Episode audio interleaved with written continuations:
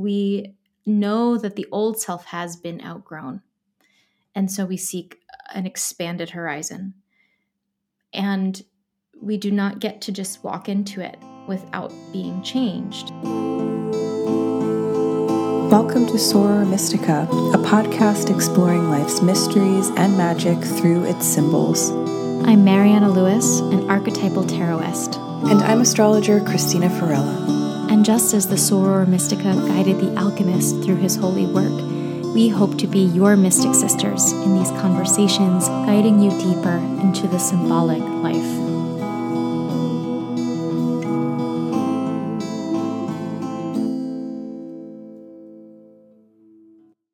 Capturing Yinz LLC is a nature based business that creates art and home fragrances for your life, bringing all things back to nature.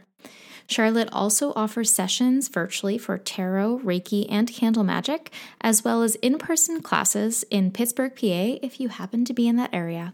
You can find her at capturingyinz.com or on Instagram at capturing underscore yinz. That's Y I N Z. I went and checked out Charlotte's website. It is so amazing. There's so many extraordinary offerings, and I'm very excited to go explore more. And you should too. Go check out capturingyinz.com. Hi, everyone. Welcome to the 28th episode of Soror Mystica. We are here today to talk to you about the symbol of the threshold. And before we do that, I'm going to just let you all know that on February 4th, yes, February 4th, mm-hmm. I'm going to be offering a brand new class um, called Prophetic Asteroids. And I'm very excited to open this up. I've never taught this class before, but I had this idea um, while I was feeling very inspired about um, witches and labyrinth mythology last year. And so, Prophetic Asteroids is a three part um, exploration of different myths centered around prophetic figures. Um, so, the whole point of this is to kind of learn the stories of prophetic figures like Circe, Medea, Cassandra, the oracles of Apollo, and also Orpheus. Um, and then after we learn those stories, look for their asteroid placements in our own natal charts to figure out our own unique orientation to the prophetic. And so it's kind of like half mythology learning, half creative approach to astrology through asteroid work. And um, I'm absolutely delighted to be able to offer this. So you can find all the information about this in our little show notes below, or if you go over to my website, which is just cristinafarella.com, or my link tree on Instagram also has the link up.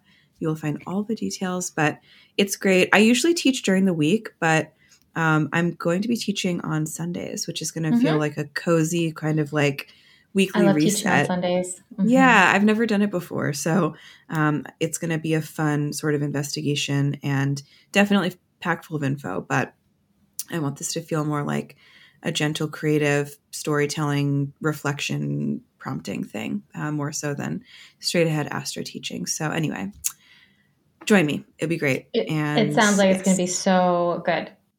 Okay, so we always like to talk about what we're reading. And I also want to throw in, we just were able to talk about what we were reading with a whole group of people yeah. in our cloister book club. Our that was inaugural, so good. Yes, that was so fun. And we're going to be meeting, I think, on a six week basis. Um, so mm-hmm. for our first session, if you're listening to this and you're like, what are you guys talking about? We have a private member community. Mm-hmm. And one of the perks of this is um, a book club that meets on a bi monthly basis. It's brand new.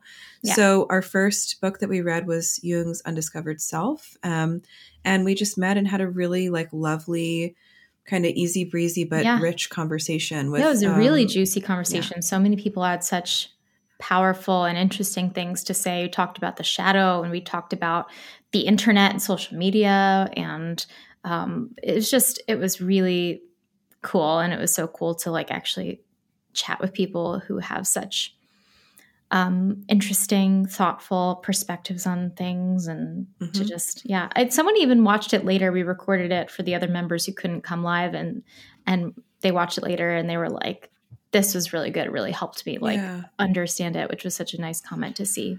So it's wonderful. We're very lucky that I think, you know, um, we just are lucky that our our listeners are who they are and you know we're all just like people who are interested in these strange topics so it was yep. really cool to get together and be you know people on the internet and yep.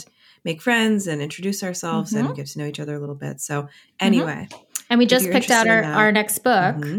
which we'll announce to the community i don't know if we'll announce it right now but we just picked it out so now is the perfect time to join and see what we're reading and mm-hmm. read with us. So, yep. And you can find all those links too below. So that's there. Mm-hmm. Okay. So now I'm going to tell you what I'm reading. I am.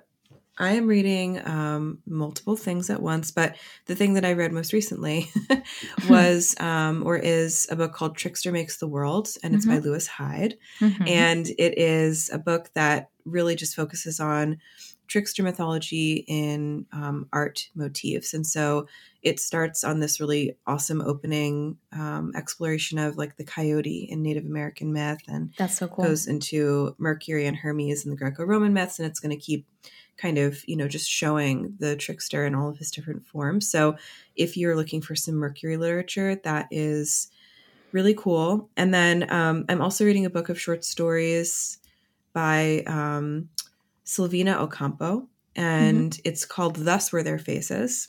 Mm. And she's kind of like a surrealist, feminist horror vibe. If you like Leonora Carrington's short stories, which are excellent, they're kind of similar, but a little bit less naive, but they're still kind of naive. Um, anyway, highly recommend. That sounds good. So, sounds really yeah, juicy are, and good.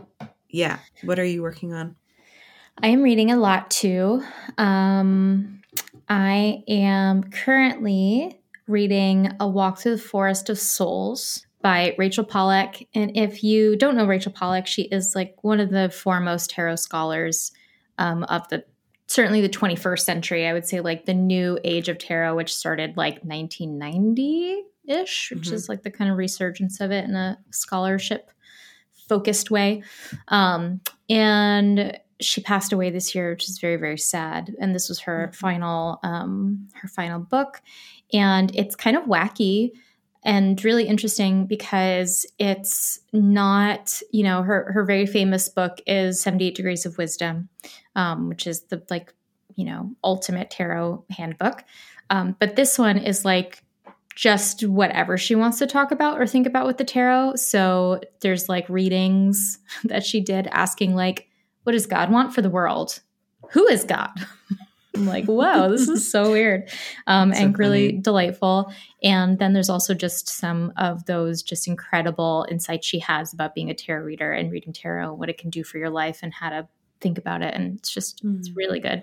Um, and I'm also reading The Madonna Secret by mm-hmm. Sophie Strand, which is quite a delight as well. Um, it's a massive book. It's like six, seven hundred pages, something like that. Um, back Are you serious? Through. I did not know that. Oh yeah. my gosh, it's wow. really, really big. Um, wow. And what's so delightful about it is that for listeners who've been here a while, you may have know that I'm like kind of obsessed with Mary Magdalene and the story of Mary Magdalene. And um, this book is like basically a like it's like a fantasy of what this kind of alternate history would have looked like between Mary Magdalene and Jesus. Um, and so I finally got to the point in the book where it's starting to get sexy, which is fun. you and your Jesus fetish. My, my Jesus extremely fetish. cute. Anyway, it is it is very much fulfilling this like just delightful fantasy I have of imagining Jesus marry, marrying Mary Magdalene and loving her and them being like the power couple of all power couples. so it's fun. It's like completely just a little joy. Um, That's great. I love wonderful. it. Wonderful. So, for you. Yes, mm-hmm. thank you. Um, moving on to thresholds and talking about thresholds, we have um, your book, your beautiful symbols mm-hmm. book, um, mm-hmm. that I'm sure has some very, very interesting things to say about thresholds.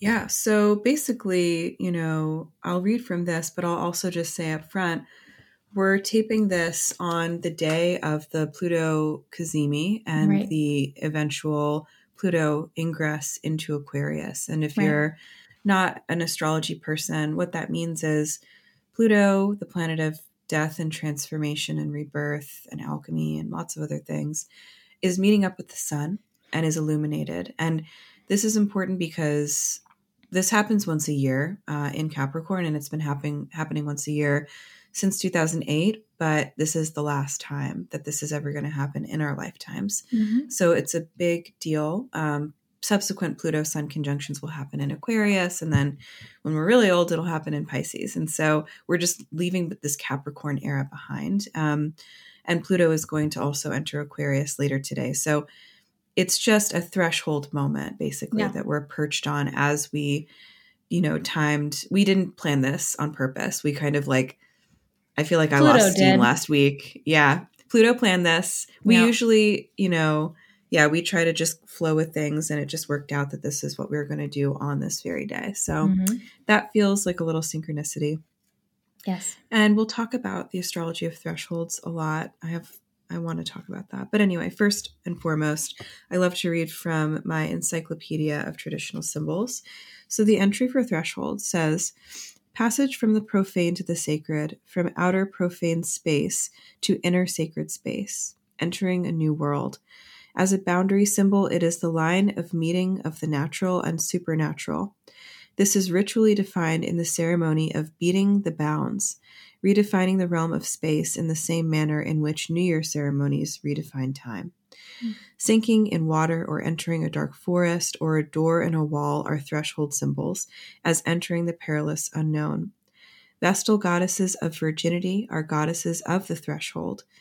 Guardians of the threshold who must be overcome before the sacred realm can be entered are dragons, serpents, monsters, dogs, scorpion men, and lions. In the psychic and spiritual realm, guardians prevent man from going too far or too fast and meeting mm or seeing more than he is capable of bearing in occult or esoteric knowledge. Wow. So that's an awesome, awesome entry. Yeah, that was a good sometimes, one. Yeah, sometimes they're very like long and and you know just too many things, but this is such a succinct and interesting place. So I love all of this, and I love the emergence of nature imagery. Um, yeah. That's kind of coming in these ideas of the forests or sinking in water. Um, you know, we in this show we analyze dreams often, and mm-hmm. a lot of water symbolism comes up um, yeah.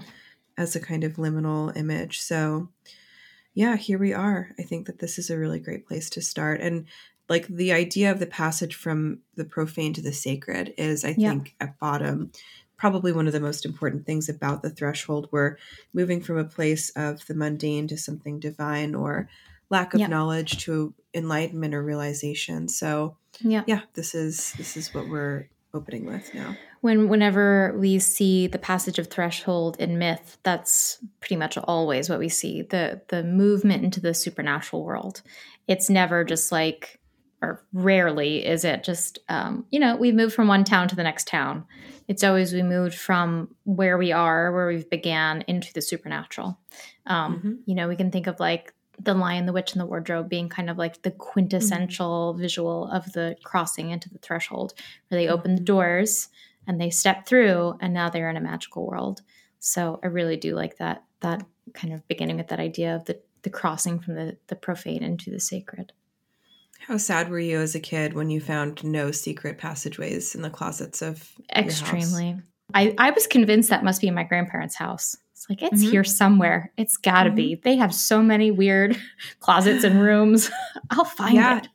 it. in the it. Narnia series, in the first, the very first book, which is my favorite of the series, it's called The Magician's Nephew, mm-hmm. and like literally the nephew of the magician who entered into Narnia for the first time, or whatever Narnia became, mm-hmm. um, is like this old kind of grandfatherly figure, and he has a kind of portal from his attic. And so I always, it's funny how we orient the one who knows about the threshold passage with like the elder. I think that that's a kind oh, of. Oh, yeah, curious... the old wise man. Certainly, mm-hmm. that's where he knows where it is. Mm-hmm. Mm-hmm, exactly. Yeah, the old wise man, um, I think, is one of the most beautiful kind of reflections I've seen about it, which, you know, Jung kind of said it, but I feel like I've cobbled it together from a lot of different sources, is that it is the it's almost like the the future self that has already passed through the journey and then somehow kind of gets Mm. transported back to Oh, the, the beginning again. And so it's like the the self as guide which is already realized um, Mm. and kind of like this backwards motion to to initiate ourselves That's into so the journey exciting. I love isn't that, a really pretty Yeah. yeah. i love that idea of it too um Yeah. so i think that with the threshold that's also all of that that you read in the in the book reminds me of so much of what joseph campbell said about the threshold and that was really my first encounter with thinking about thresholds in a you know a really thoughtful way is by reading the hero with a thousand faces by joseph campbell. Um, people are probably pretty familiar with the idea of his hero's journey. That is his seminal work. Um, and it is the basic concept is that in all of these myths and all of these stories there is this um, this repetition of the same passages that we go through the same thing. We start at the beginning where everything is normal to us and somehow we end we end transfigured and we have to go through these particular points these story points to get there. And it really is a, a, an amazing thing that he recognized there because it's just true. We always start at the beginning where everything is fine cross that first threshold where we then enter the supernatural. Then we have to confront something. We have to battle with something. We have to see some kind of villain. We have to go through some kind of trial. And then somehow we have to make our way back. And that's Mhm. just as hard. And that's the other side of the threshold. So we have the entry threshold and then we have the threshold of return um, and so with that entry threshold it is really the initiation into the new self or the the search for the new self the the quest for it um, and with that that point it is this point of of I like this quote from from uh, Hero with a Thousand Faces. He says, um, "This popular motif, and he's talking about the crossing of the threshold, uh, gives emphasis to the lesson that the passage of the threshold is a form of self annihilation. Instead of passing outward beyond the confines of the visible world, the hero goes inward to be born again." Hmm. Um, and after the crossing of the threshold in his in his stages of the journey. Then he has the belly of the whale, which is also a womb symbol, the symbol of coming, going back into the womb, and then it's kind of the first the first stage of after we cross it. Um, but I think that's a really interesting place to start because we think of thresholds and we think of like, yay, we're going to be Hmm. new, isn't that great? Um, and I I really like this idea of remembering what this is ultimately about is the passage of self annihilation um, Mm. because the old does not function anymore when once we enter the supernatural world. We're something that we have to become something different. it's totally again perfectly aligned with our plutonian astro weather that we're having Mhm. at this moment because i mean i'm seeing a lot of kind of celebratory posts on Yeah. the internet and about like the pluto ingress and i want everyone to feel well Scared? No i want people to be okay mariana i want everyone to be okay I don't. i know so Wake up, here's the here's the Virgo Scorpio split. I'm like, be well. And You're like, be annihilated. But but there is this annihilating quality to to this change, to this Yeah. threshold that we're on right now. As Pluto is literally, as we're filming this, poised at the last degree in the last minute of Capricorn, 29 Yeah. degrees, 59 minutes. And Yeah. what that does is like it puts this heavy weight and it is this pressure of like melting down and like um, burning away and all of these alchemical images come through and i think that people i think there's something about the fact that we are all aware of a certain sense of stagnation and discomfort and we're looking for change and we forget that change comes after something really devastating often comes through and changes our perspective or opens a new door Yeah. right Yeah. so i think that um, not to say don't be excited for planetary change because you know for example as a capricorn rising i'm very ready to you know leave this part of my life in the past and by the way Pluto's going to come back into Capricorn for a couple months later this year. So we're not quite Mhm. done yet. We're Right. kind of racing ahead Right. to the alchemical finish line here. But there is um, the element, I think, of of Pluto as the one of those threshold guardians, and one of the um, symbols of Pluto is, you know, a sort of phoenix imagery, right? We have the sort of self immolation and the rebirth. We usually focus on the beautiful phoenix being reborn, but what you have to do first is put yourself on the pyre and burn away. Yeah, Like that's heavy shit. So Mhm. thinking about, you know, Pluto too as this, you know, lord of the underworld, there's also this idea that um, underworld journeys give us gifts or they give us this sort of, you know, sort of wisdom and insight, but you still have to get down into the underworld to do it. Yeah. Um, right. One more, one more kind of image has come through is like when you were talking about having a kind of guide or having a guardian or having somebody say, this is the way through. I was thinking immediately about the labyrinth myth, um, right? Where Ariadne is holding the um, spool of thread for our hero, and that is called the clue. Like that, you know, the actual spool is called the clue. Um, and so the hero takes this thread through the labyrinth to find the center, slay the minotaur, and then he has to follow the thread back out That's so pretty. Right the world and so without without the through line without the clue without the spool of thread from ariadne um, theseus is not able to find his way back out so it's not just about getting to the center of things and finding like an answer it's also about putting the pieces back together and Mhm. going back to your life with this changed perspective i think so yeah, I don't know That's I love that. That's so pretty. Did I ever tell you that that was supposed to be my name, Ariadne? no that's Yeah. crazy oh my that god good? That would have been your good. mother your I leo know. mother that's know. amazing My sister's Persephone. what changed your mind I My father didn't like it. He thought it was too Why? weird. She got Persephone, and I guess the second time around, he I he wanted me to be Christine. we would have been wanted- christine and christina we would have been enemies that's so funny Yeah. Um, but anyway, I think that this idea of like the following of the thread um, is is extremely beautiful, and and I I also really want to hold, you know, the tension of how scary and terrible it is to cross a threshold. Um, you know, this idea of self annihilation, and we're in this Plutonian mindset right now for sure.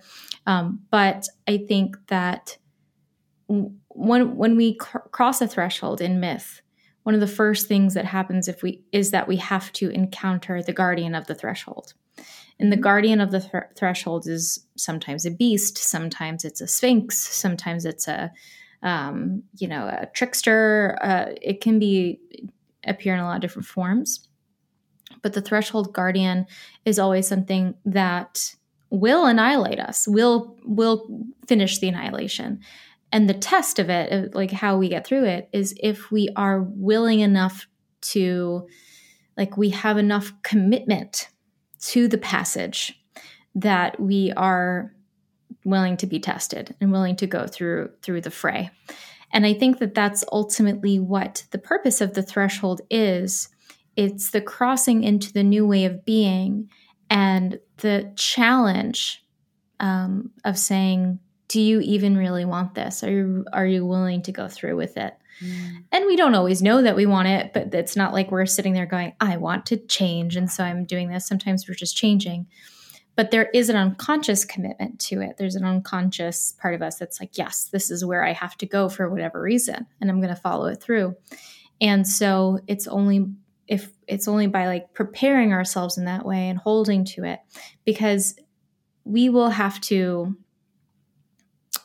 you know look at ourselves in a new light we're, we're going to have to change we're going to have to be threatened um, and if we approach the threshold and go like wait a second like ah, i'm not ready for this or i don't really know what this is going to do for me or who i'm going to be on the other side we get too scared of the unknown then the threshold guardian will determine that for us and and pummel us and annihilate us and we'll we'll go Mhm. crawling back to where we came from um, and i think that that's a really really important part of the threshold idea is that we get to this line in the sand in the world where we look over the other side and it's pure shadow and it's pure mm-hmm. darkness and we have no idea what what lays on the other side of it and the challenge of course is like are you do you have the courage to go find out um, mm-hmm. um, do you have the desire to find out do you have mm-hmm. the the willpower to and the faith to trust that you're going to survive the discovery.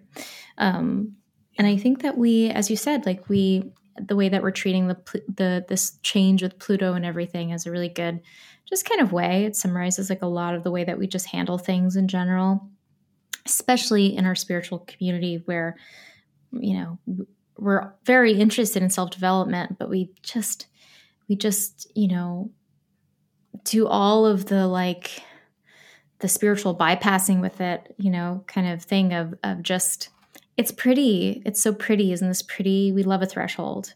Mm-hmm. It's like, oh, I don't know if we love a threshold. yeah.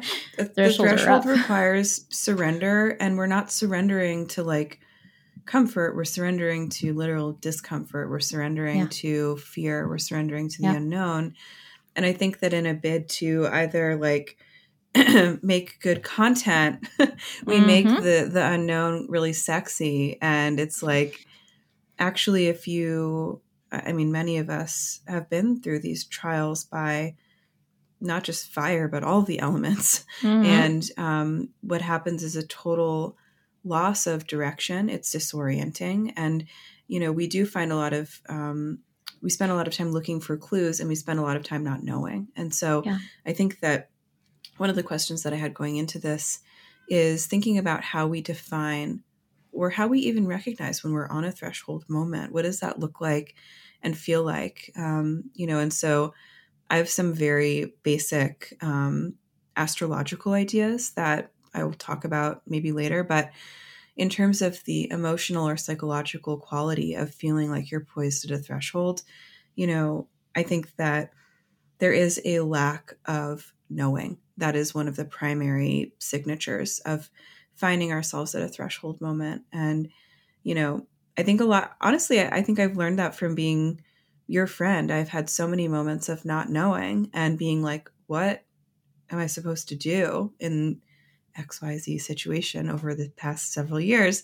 And you're just like, you don't have to know you're at the threshold. And I think that that's super powerful. So, everybody get yourself a friend like Mariana who can say that to you. But I want I want people to feel resourced in seeing when they're there themselves because it can actually be really comforting to have that darkness be, you know, um, an element of the change rather than something that scares us and freaks us out. So yeah. Okay. Yeah, I I totally I totally agree um, that we need to something that we can do for ourselves is is find points where we're at the threshold and reorient ourselves to, you know, just, I feel like a lot of times we're just moving through life and it's like the next thing, the next thing, where are we now? What's going on next? And we don't always take the moment to pause and say, like, what does it feel like? Where does it feel like I am on the journey? This is one of the reasons I really like the tarot because I like seeing in the tarot the reflection of that hero's journey in the cards and the sequence of the cards, both in the minor arcana and the major arcana. And I'll pull cards for myself or I'll pull them for my clients and I'll, I'll, get a clue of like, you're at a threshold. Here we are, right? Like there's a signal that says this is the point in the cycle that you're at. Um, I think that we can tell that we're at a threshold when we feel like we are neither who we were before and we're not, we're also not who we are next. And so the challenge is like, can we be present enough with that experience, inquisitive enough, curious enough about where it wants to take us, that we follow the thread and we be willing to get lost. I think that this is something that we have really um, that we have really lost in our contemporary society. Maybe this is another byproduct of empiricism. I don't know. We are totally unwilling to get lost in the world and in ourselves. And I do it. I I am guilty of this so much. I hate being lost. I always want to grip onto some kind of stability. Um, and it is only in being lost that we actually discover the thing. This is why I love the moon card so much because, you know, I think it's Sallie Nichols in her book um, Jung and the Archetypal Journey, or it used to be called Jung and Tarot. Um, she says that the moon card is the worst card of the deck. Like it's the darkest, most sinister card of the deck. And I absolutely hate that. Not only hmm. because I love the moon and she's my friend, um, but because like it's this idea that when we're in the darkness and we're in the cloud of confusion that there's nothing there but vipers and dangers and illusions and there's nothing else to be found and i think that we have the star moment in the tarot which is so beautiful and after the tower falls number 16 we have number 17 which says there's a there's something that was truer all the, all the time behind that tower and take a look at the star and take that seriously and then we know that at card 19, we're going to get to the sun, which is illumination and consciousness and putting all the pieces together and feels very bright. We feel reborn in many ways. But the moon sits in between and it's very confusing. And I was confused by it for a long time because I was like, what is this card of like darkness and what is that doing here? Um, and it occurred to me that when once we experience a star and we experience a return to a light it's a, it's a call. Essentially the star is a call right? Like we have the magi they see the, the star in the distance and they say i gotta go follow that. So it is a threshold beacon in a way of saying here you gotta go. And then with the moon we actually one of the most beautiful symbols in it is that we have the two the the gates that we see in mm-hmm. the in the background. Now they're right in the front they're right ahead of you. And so we know we've we've journeyed a long way already. We're right at the edge of this this return threshold i would say honestly that's what it, it points to. Mm-hmm. and in this last stage that's the point in which we have to get the most lost in the wisdom of the unconscious the most lost and be willing to be the most lost there and have also the total faith that we will get to the other side we'll cross through the threshold and then we'll get to the sun. And that's what we're trying to do. And so we can breathe again um, but in the meantime, we have to not know where we're going, not be able to make things out, and all of our energy has to be given into what's true in the depths of my psyche, what's true in my feeling experience, what's true in my dream life, what's true in all these other aspects of me that I do not have conscious control of, and I feel really lost. But I think that that's part of the threshold. That's kind of the the second half of the threshold of the return portion of it but we have to get lost. We have to be lost and we're scared to do that. We're scared to do it. And i i mm-hmm. i find that very sad about you know our culture in general that we don't have the tools we don't have the myths anymore to prepare us that says mm-hmm. you're going to go be lost. It'll be fine. That's what all these old myths are about. They're all about mm-hmm. being lost and trying to get back. But, totally. Yeah. yeah. Yeah. All of that is is beautiful and and brilliant as usual. And I think it's so funny. I used to kind of bristle at the idea, and I maybe I still kind of do that the moon card in the tarot has this darkness to it, um, because I just feel like you know lunacy and lunar consciousness is um, is often quite sexist, and you know yeah, it's, it's demeaned. It's kind of mm-hmm. it's so we have to kind of revitalize that and say actually yeah. it's a totally necessary piece of the um, path to individuation, and it's even mm-hmm. represented here in that arc of the tarot. So yeah, mm-hmm. I love all of that, and I think that um, you know, talking about threshold guardians, the dogs um, mentioned in mm-hmm. my symbols book show up in uh, mm-hmm. in that. There's also that mention of scorpion men, and there is that it's always like a crayfish or a lobster. Or something craw- like yeah, it's a crawfish mm-hmm. or something. Yeah, yeah. It's supposed to be like mm-hmm. our primordial self in this yeah, like so funny. Yeah, yeah. It's the great. dog and the wolf are very interesting. I I don't remember who it was. Maybe it was Rachel Pollack who said this, but I find I really like this maybe it was also made in Sallie Nichols. The idea of it's a dog and a wolf rather than two dogs, yeah. you can kind of tell that it is because one is domesticated and one is wild. And yeah. so we're in between the, the tension of the two as well. Inside of you are two wolves. Yeah. Mm-hmm. mm-hmm. yeah, that's, I think that that's great. Um, yeah, so the tension is there and, you know, the kind of scary passage. Um, I'm thinking of like forests and water um, and, isn't the first like line of Dante's Inferno, I took a walk in a dark wood and yeah. he's right, he gets yeah. lost there and he winds up finding yeah. his guide uh, into hell. Yeah. So I want to talk a little bit about forest and mm-hmm. underworld mm-hmm. stuff because yeah. I think that this is an interesting sort of um, caveat here. So when we are at a threshold and we're looking for the way through or we're looking for just the next step. um, we often have to find a guide, as we've been talking about. We need somebody to decode the next steps. We need a friend to hold the tension for us, or we need mm-hmm. somebody who's been there before to kind of give us a hint or a clue about what it means to really approach that threshold. Mm-hmm. So, in um, in the Aeneid, the epic poem by Virgil, um, Aeneas, the hero, has to part of his journey is that he you know i think that he has a dream that he's supposed to go meet his father's ghost in the underworld. And yeah. he has a message for him about like the subsequent birth of rome right? So the whole right. the whole epic is about how rome is so amazing and you know how the city came to be. But you know it's an interesting thing. So he, i think he has a dream about his father anchises and he's like i'm supposed to go meet him.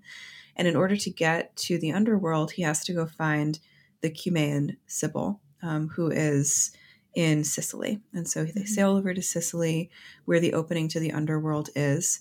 Um, this is a widely held belief that the opening to the underworld for the Romans was in Sicily. This is also where Pluto abducted um, Persephone. You know, a lot of stuff went down in Sicily. So Sicily is a magic place.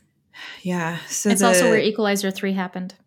Oh wow, we were talking about Equalizer movies before we got on here. So you know what? We can do a whole synchronicity. Uh, that's very funny. Sounds like it. Oh God. Yeah, yeah. Anyway, I love it. No, I would. I really want to go there. Um, mm-hmm. We should go together. Mm-hmm. That would be so great. Okay, we should go together and find the entrance to the underworld, and then and say get bye. lost and never Hi, everybody. never anyway, and so Aeneas finds the the Sibyl of Cumae, and she's like, "Yeah, you can go to the underworld, but you're not going to get through without me."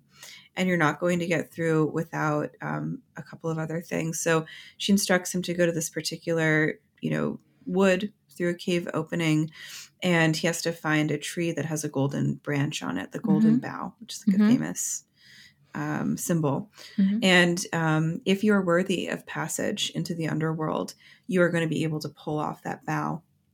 And that's the offering that you actually have to bring to Persephone to get down into the depths and have the, you know, a kind of symbol of your of your commitment to the journey that's ahead of you. Um, right. So thinking about all of these ways in which we have to find the um, we have to find a sense of commitment as well to that journey down to the katabasis moment right. and find our golden bough or find the kind of proof that we're really, really tied to and devoted to this exploration right. of the unknown um, helps us navigate the threshold moment. So, in real life terms, what does that look like? We're not all going to go out there and find a golden bough, but what does that feel like? It feels like looking for, um, you know, a kind of constant reminder to yourself that the discomfort that you're feeling at the threshold is real yeah. and that the discomfort is holding wisdom that leads yeah. you somewhere else i think is yeah. an important yes way for mm-hmm. us to use it in our real lives mm-hmm. totally i think that's why we work in the modalities we do and why we teach modalities we do because you'll be transformed because the threshold is waiting for you and you've gathered the tools that you might be able to use and need to help you survive the crossing and then the navigation through that other side of the world, the supernatural world. The supernatural world is symbolic of the inner world. That that's what it is, mm-hmm. in my opinion, really symbolizing is that we cross the world of daily life, the mundane, right, the profane, of this is what I do and this is the patterns I'm in and this is what I see as the boundaries of my life. We cross beneath into the world of the the unconscious into the world of inner feeling and inner discovery. And that's where we stay and that's where we wander and we go through the journey the, the most of the journey. And then we we return. And so what we use what we need i really like the you know bringing in the the aeneas um, his his quest for these these tools because we do need to prepare ourselves.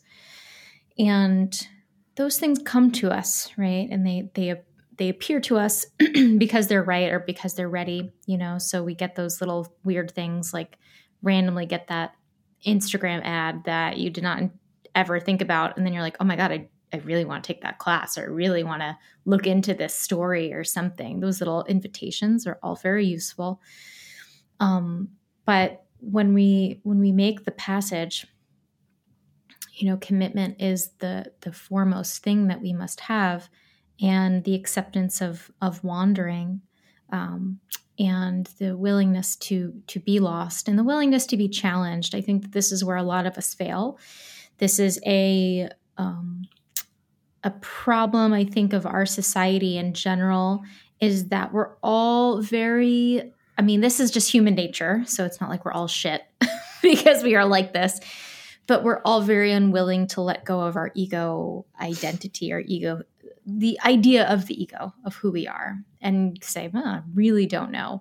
And so when we're invited to cross the threshold and we're invited to do all this work and, and face the challenges we we run away a lot. I actually think that we have um, a discomfort with crossing now because we're just so kind of glued to to you know the the patterns that we're in. I see this a lot with like students who come to me who are like i want to you know build a business. So you know i want to do tarot or something but you know, I've tried this thing out on Instagram or I try I've started a newsletter or whatever and it's not working, right? And this is this in and of itself is a threshold because it's an invitation to say like you don't quite know what's going on. You need to change. There's a call for you to figure out a new skill, a new side of yourself, a call to like challenge if this is what you really want. All these things are happening under the surface of you saying, "Ah, oh, I tried this thing and it didn't work and now I'm feeling frustrated, now I'm feeling stuck." It is a threshold point of discovery of a new way, a new path. Mm-hmm. It feels very mundane, but there's a lot under the surface of it. And a lot of times the people just get stuck because they're like, but this is what, you know, I know is supposed to work, or this is what other people have done, or this is, you know, there's a rigidity which prevents mm-hmm. change and it prevents an actual crossing.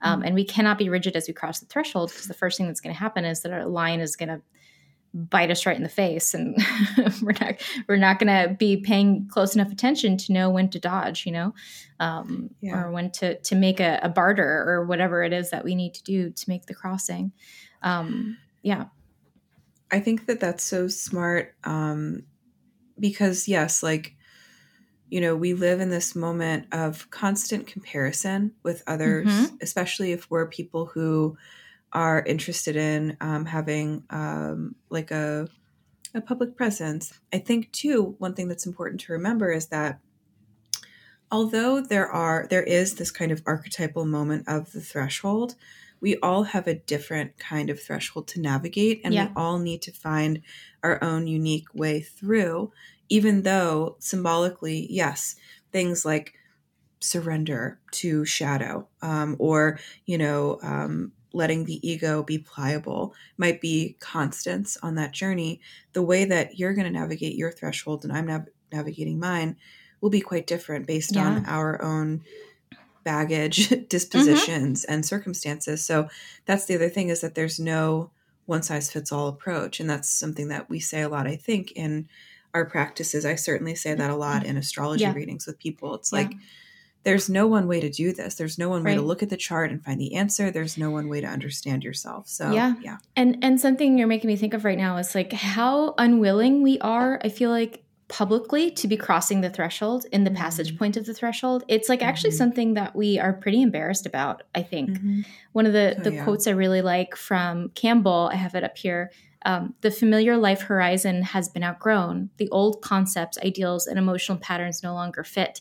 The time for the passing of a threshold is at hand. And I feel, mm. you know, whenever I get to the one of those one of those places where I'm like, the old life has been outgrown. I don't quite know what the new patterns must be.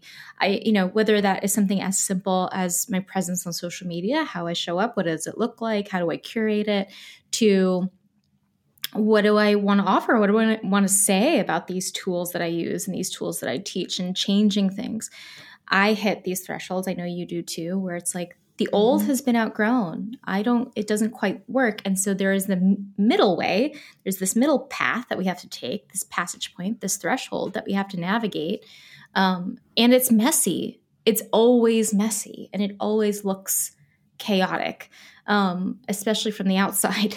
well, it feels more chaotic probably on the inside than it actually looks on the outside. And I think that it's so interesting that in our society, because we're all so public all the time, that there's this this fear I think a lot of us have of it being like visible that were in the passage and that to me Yeah. is very very sad I think I think it makes sense though if you think about a threshold like it feels very interior and it feels very private and and Yeah. sacred and like you know it's almost like you're blindfolded but other people aren't and Yeah. so I think that there is a sense of vulnerability that comes up as well with admitting that you don't know what the f you're doing and yeah I think that we're all always bumping up against these moments as well. Even if it looks like somebody from the outside has figured their thing out and they've like mastered the algorithm and they know how to, you know, show up in their business or they have a perfect relationship it seems or they have like a great, you know, whatever, family life or they're a published author. We're all always navigating these harder liminal moments because we're all continually growing and changing. There's never, it doesn't ever end. And so I think Yeah. that that's the other important thing is that, you know, the symbolic loop of descent and return is something that is present in myths in every culture. And, Yeah. you know, it's not just one one character that does it. It's it's many handfuls of them, and some Mhm. of them survive, others don't. You know, Mhm. Persephone is able to figure out how to make friends with Shadow, and she becomes the queen of hell after being abducted to the underworld.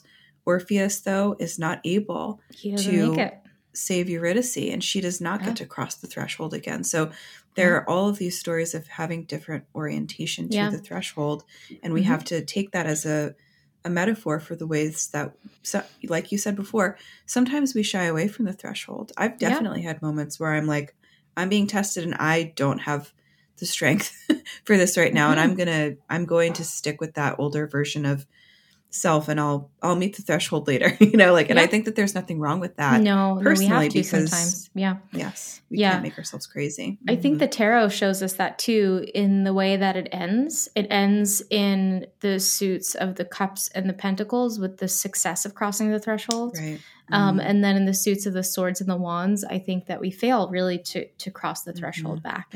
yeah, I think that um, astrologically, the moments of threshold are often um, they're they're a little bit different than the tarot because they Mhm. are sometimes these rites of passage that are universal for everyone. So at certain ages, like in your Saturn return from ages like 28 to 30, you're in a threshold moment. Um, in your early 40s, you have your Uranus opposition as well as your Pluto square. And so you're in this threshold moment. And we all have to navigate that. But um, I think that what's interesting about astrological thresholds is that for a lot of them, certainly the inner planets, um, we are offered multiple opportunities to Yeah. do the threshold. And yeah, that's because again like i was saying this i have this image of like the cycle of the descent and the return um, and astrological time is cyclical and it is um, going to kind of come back around and let you open the door again so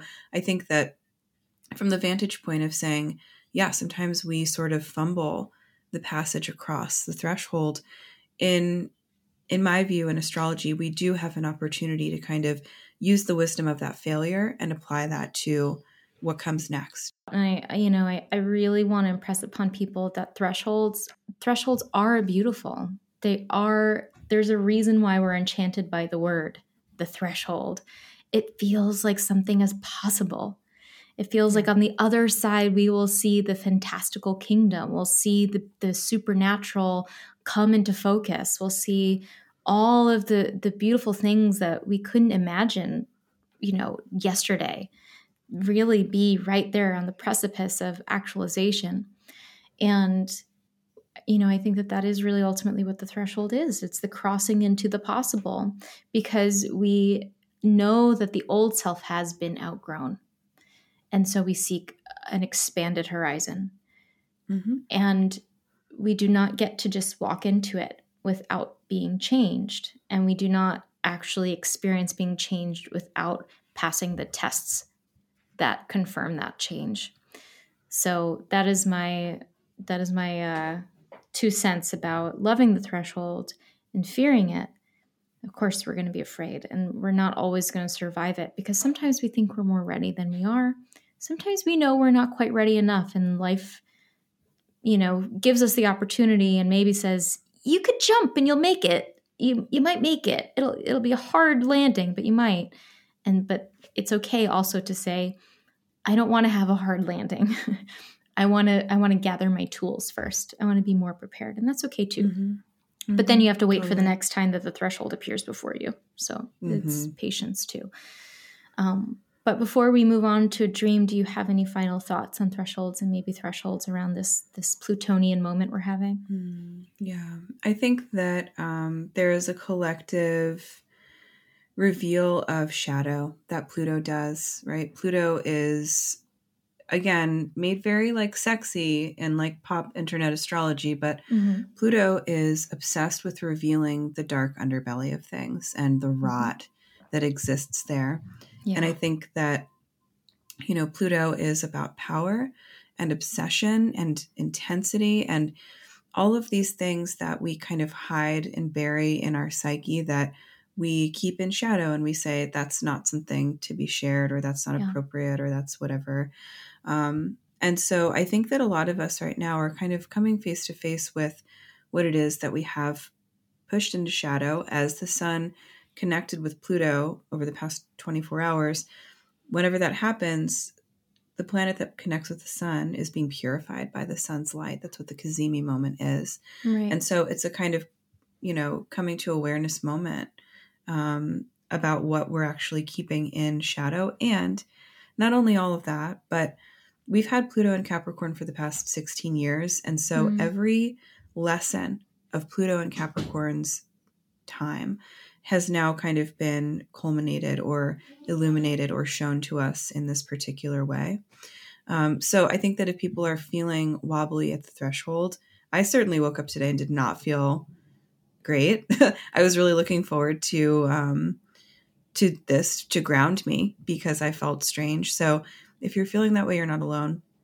And I think yeah. that knowing that we're kind of at this place where we get to decide that what we've kept in shadow is actually really vitalizing and part of who we are um, is an important thing to also embrace. So I think that's where I'm at with it. And maybe that feels helpful to some people. It's helpful for me. So mm-hmm. thank you. Let's let's go to um, let's talk about a dream. Okay, let's do it.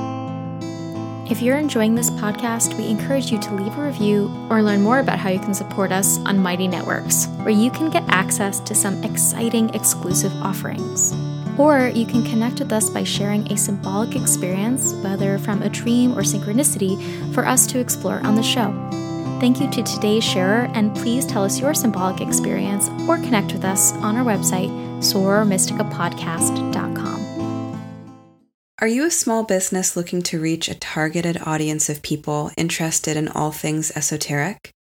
If this sounds like you, Soror Mystica would love to invite you to become an ad partner. We offer a highly tailored audience of mindful, curious, depth seeking listeners, and we would be delighted to showcase your business and offerings to new hearts and new minds.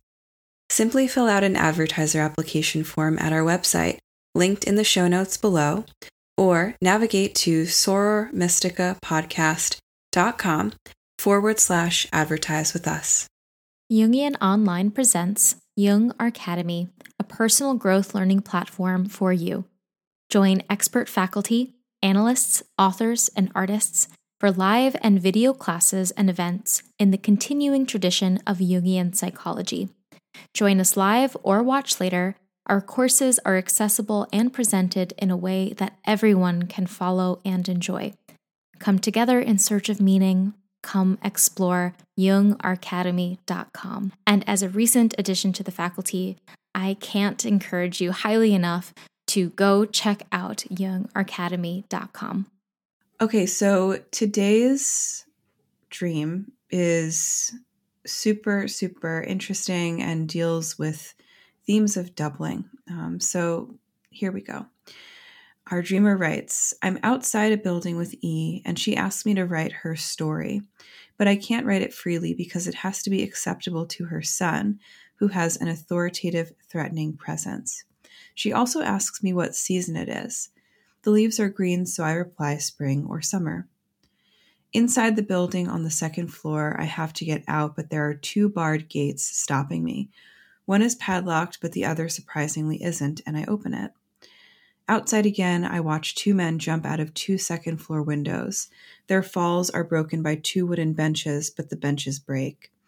The windows and benches are symmetrical, and the men are identical. E then asks me again what season it is. I see some yellowing leaves and say it's autumn. I sense her saying, I told you so. Hmm. Fantastic. It's Such a good dream. this was shared by a um, a member of our of our cloister community, um, and so we we were discussing it a little bit over there, and we um, got permission to share it with everybody because it is just so so many powerful archetypal themes there, themes of doubling, um, seasons changing, Mhm. um, falls, and and like Doors and windows, gates, Doors and windows, like thresholds. yes. um, so uh, something that you said in the in the um, in the group in the cloister, you mentioned uh, Castor and Pollux, and I thought Mhm. that that was really interesting.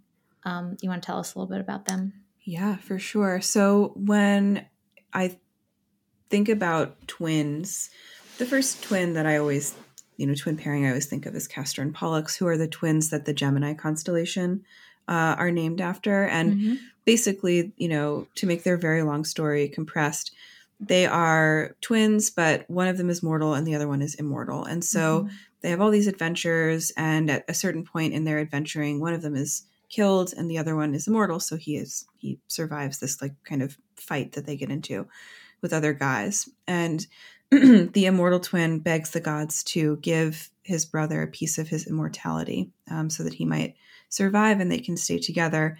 And to kind of put them out of their misery, um, Zeus just makes them into a constellation and grants Mhm. them that peace. But when we hear this story, there is this kind of, um, you know, it's not that twins are just identical and they're mirroring each other and there's like this two-ness to them, but twins or twinning to me always suggests this tension between life and death, mortal and immortal, sacred and profane, um, you Mhm. know, body and spirit, all of these different dualities that we carry Mhm.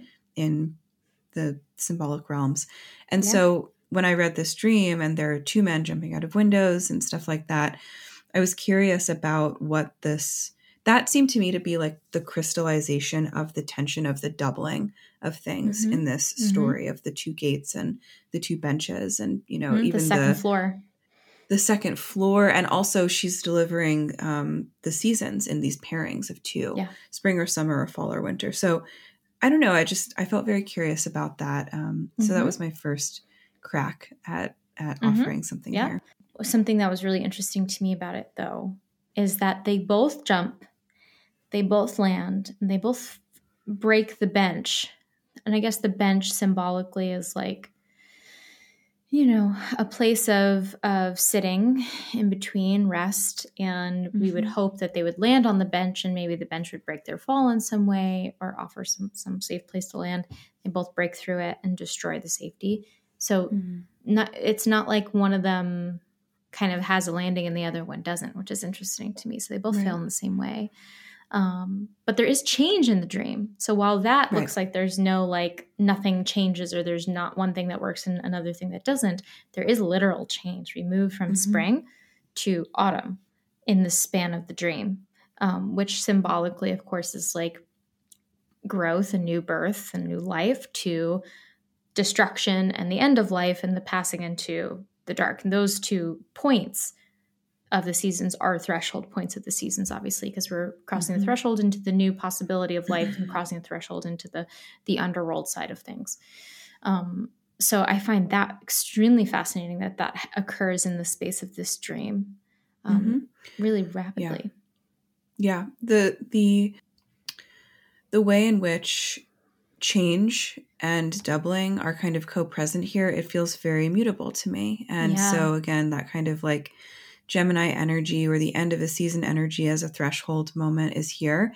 But I think what's also curious is that at the beginning she's being asked to write a story Yeah, um, Yeah. which I also associate with Mercury, who is a threshold figure that we actually didn't even talk about. Yeah, we didn't uh, even get to Mercury. Sorry, Mercury. We didn't even. sorry, Mercury, we love you. Right. So he's he's the guardian of the threshold in many ways, and also the god of writing. Um, and so, you know, isn't am I right? Is Thoth the underworld god and also the writing god for the Egyptians? He's both of them.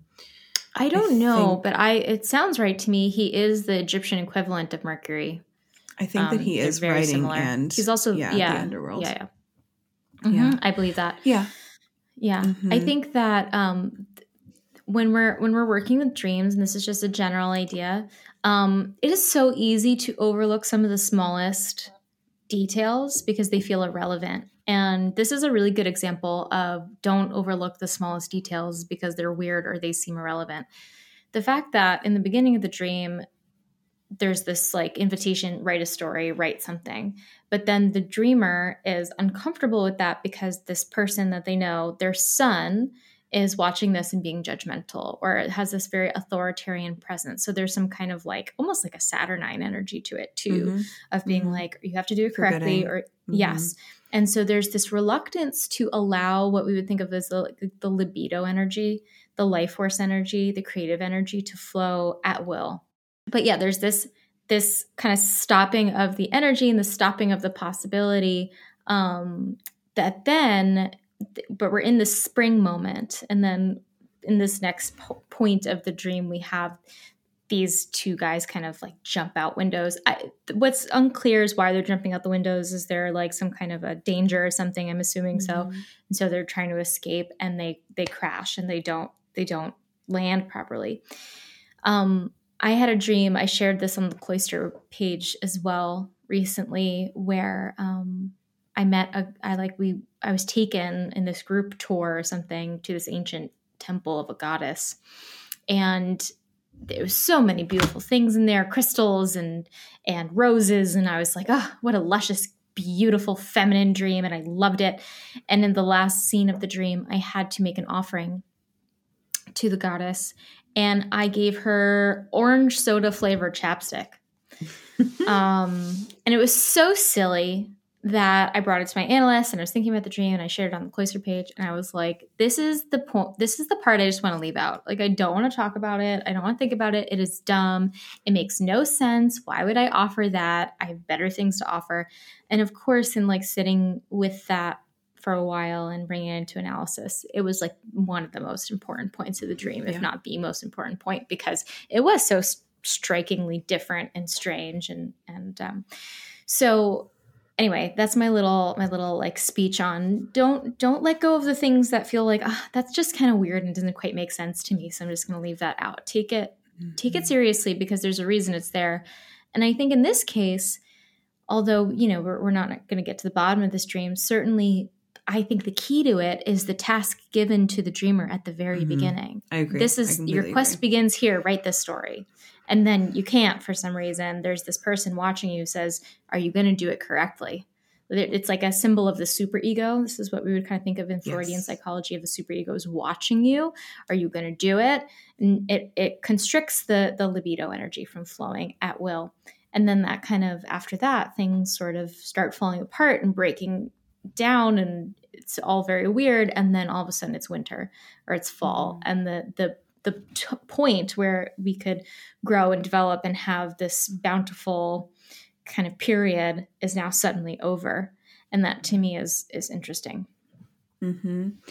Yeah, I think that it's it's funny because we don't come back to that, like um, the the the task the task to write doesn't come Yeah. back up again, and so the parts of the dream that are a little bit spookier, like people falling out of windows or something like that, you kind of can get fixated on. But I do think that it's the me- it's one of the clearest messages of the Yeah. dream at the beginning. So, what does it take to get past that sort of stern Saturnian figure?